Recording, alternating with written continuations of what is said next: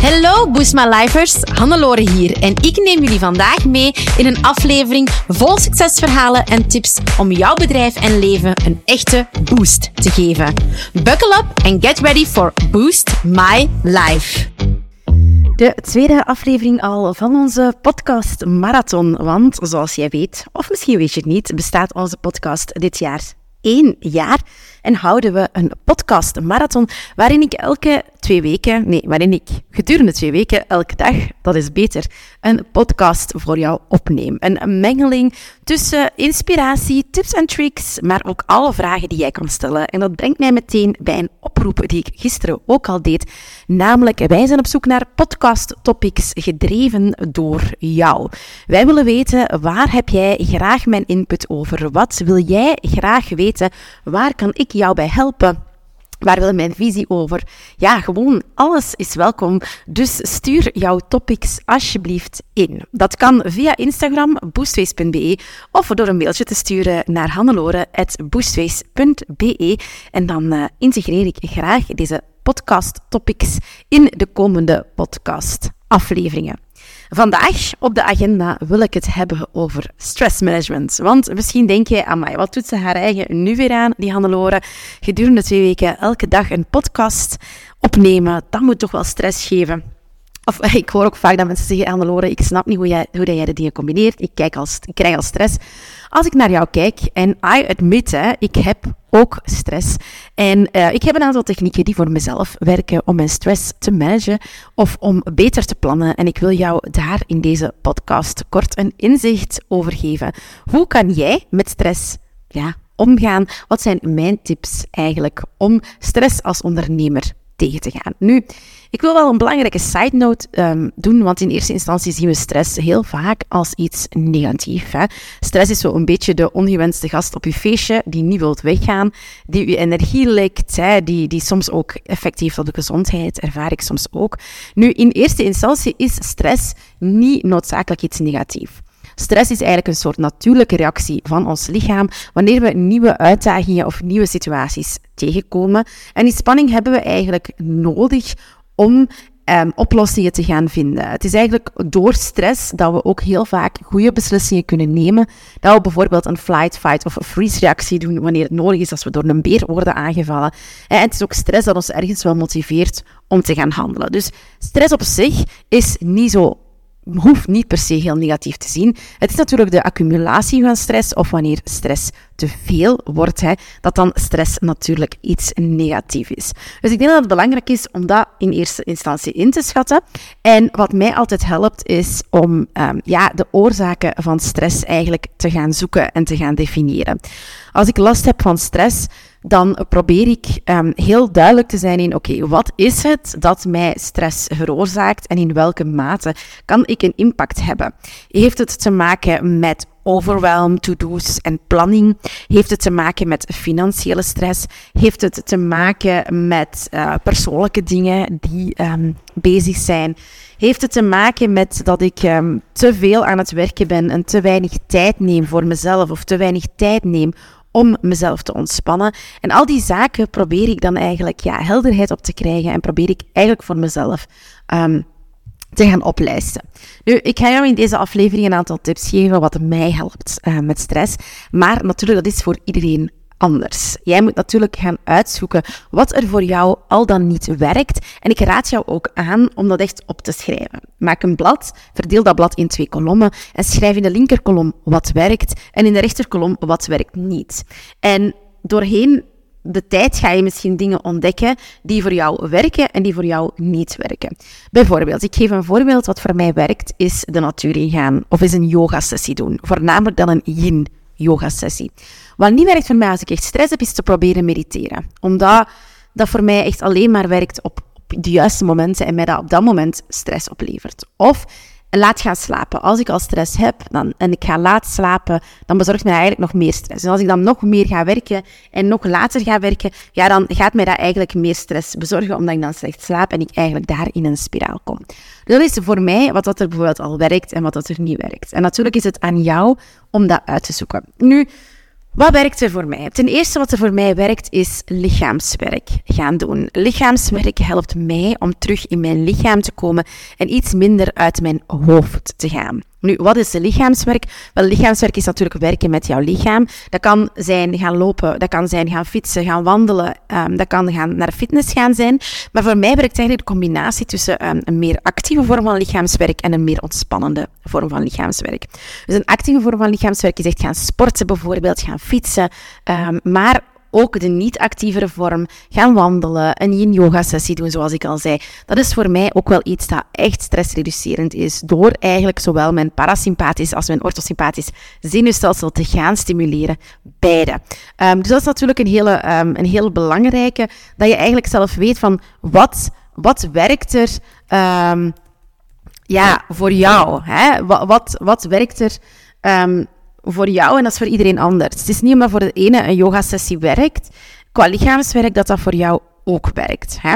Dus um, wat misschien wel heel belangrijk daarbij is, is om dus um, inderdaad te gaan uitleggen van kijk, we hebben twee soorten zenuwstelsels. Een parasympathisch zenuwstelsel en ons sympathisch zenuwstelsel. En ons parasympathisch zenuwstelsel, dat gaat echt over rust nemen. Het vertragen van de hartslag, het verwijderen van de bloedvaten. echt gaan vertragen rust en herstel brengen. Het sympathisch zenuwstelsel, hè, dat is echt die flight, fight or flight reacties, vecht- en vluchtreacties. Um, en dat is echt snelle, snel energiek. En bij mij bijvoorbeeld is mijn sympathisch zenuwstelsel actiever dan mijn parasympathisch zenuwstelsel. En werkt het dus voor mij daarom niet om alleen maar in de actieve vorm te gaan en om heel zwaar te gaan sporten, adrenaline heel diep te gaan. Omdat op dat moment het voor mij eigenlijk meer stress in mijn lichaam creëert. Hè, omdat dat net de ademhaling versnelt, mijn, bloed gaat, mijn bloedvaten gaat vernauwen, mijn hartslag verhoogt en eigenlijk een sympathische zenuwreactie gaat opwekken yin-yoga bijvoorbeeld, of um, een keer in de natuur gaan zitten en aarde. Dat zijn eigenlijk dingen die je parasympathisch zenuwstelsel gaan activeren, die eigenlijk je hartslag tot rust gaan brengen en die eigenlijk op die manier dan ook echt de stress in je lichaam gaan verlagen. Dus dat is echt wel belangrijk dat je in de context van stressmanagement je hiervan bewust bent en dat je eigenlijk um, ja, technieken gaat gebruiken um, om jouw parasympathisch aan mijn parasympathisch systeem, um, te gaan in gang zetten. En dat is echt wel voor mij een hele belangrijke. Ik ben natuurlijk geen neuroloog of geen specialist hierin, hè, maar ga eens voor jouzelf uitzoeken van wat zijn dan manieren om mijn parasympathisch zenuwstelsel te gaan activeren. Bijvoorbeeld ademhalingsoefeningen. Je kan um, ademhalingsoefeningen doen, hartcoherentieoefeningen. Dat zijn eigenlijk allemaal oefeningen die de hartslag en de bloeddruk gaan verlagen. Dus bijvoorbeeld, je kan een buikademhaling gaan doen. Dat helpt mij ook.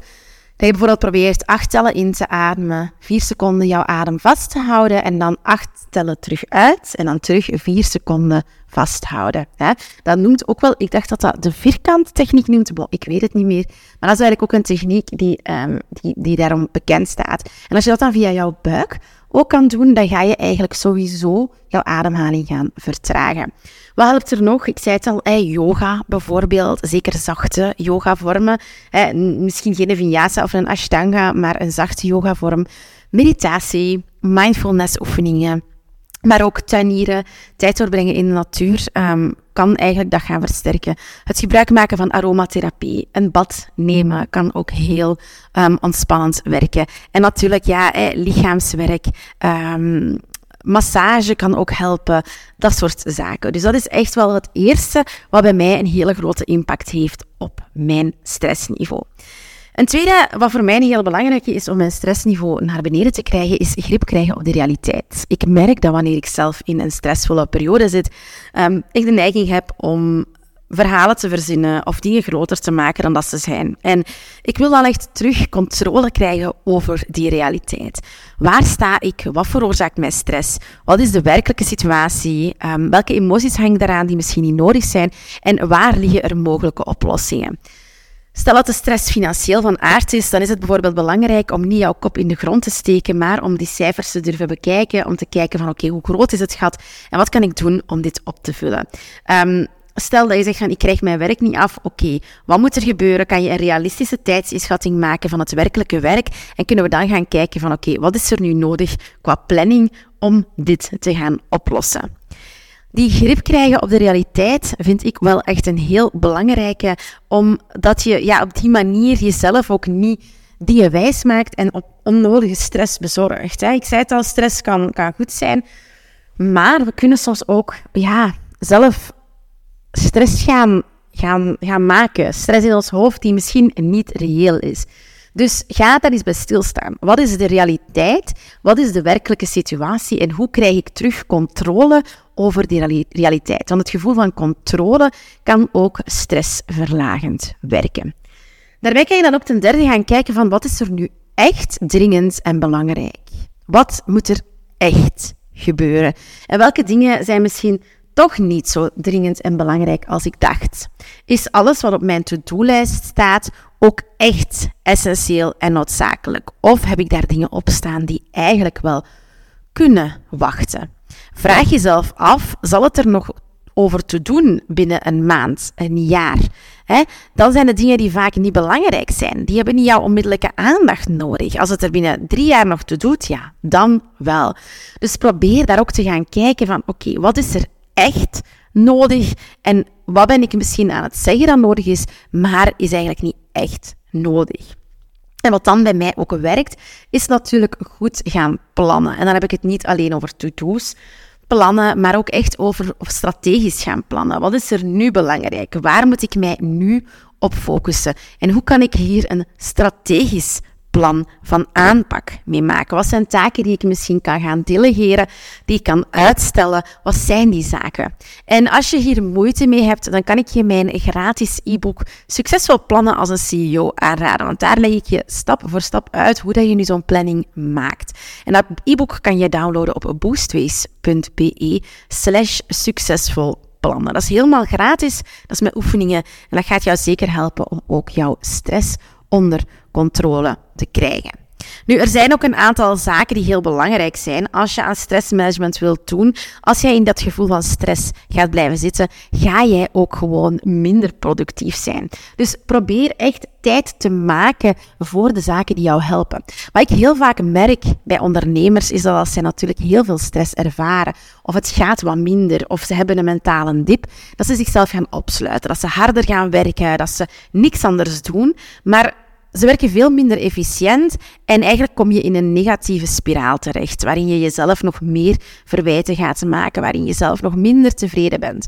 En wat ik daar dan aanraad is, ja, plan echt tijd in, plan buffer in om aan jezelf te werken, om aan lichaamswerk te doen, om even een ademhalingsoefening te doen, zodat je nadien met veel meer focus kan werken. Het heeft geen zin om je uren op te sluiten om iets af te krijgen als je niet productief bent. Integendeel, ga dan naar buiten, plan een yogasessie in, doe wat ademhalingsoefeningen, kom tot rust en ga nadien met een heldere blik terug aan de slag. Ik denk dat dat nog de allerbelangrijkste tips is van stressmanagement. Van als je het voelt, Ga er niet in mee. Veroorzaak niet nog meer stress voor jezelf, maar kom even tot rust. Ga prioriteiten stellen. Ga even een ademhalingsoefening um, doen. Probeer echt een, je spieren eens volledig te ontspannen. Hè? Want stress veroorzaakt ook heel vaak nekpijn, spierpijn. Dus probeer voor jezelf echt ja, een keer stil te staan bij wat moet er gebeuren? Is het echt dringend? Kan ik niet even tijd aan mezelf geven om mezelf beter te doen voelen en om zo het stressmanagement ja, aan te pakken en de stress tegen te gaan? Nogmaals, als het echt gaat om planning, hè, dat is ook een hele belangrijke die heel veel rust biedt. Ik, ik werk ook met bepaalde blokken in mijn agenda. Ga dan eens een kijkje nemen in ons e-book Succesvol Plannen hè, op www.boostways.be slash succesvol plannen. Maar onthoud, plan voldoende rustmomenten alvast in.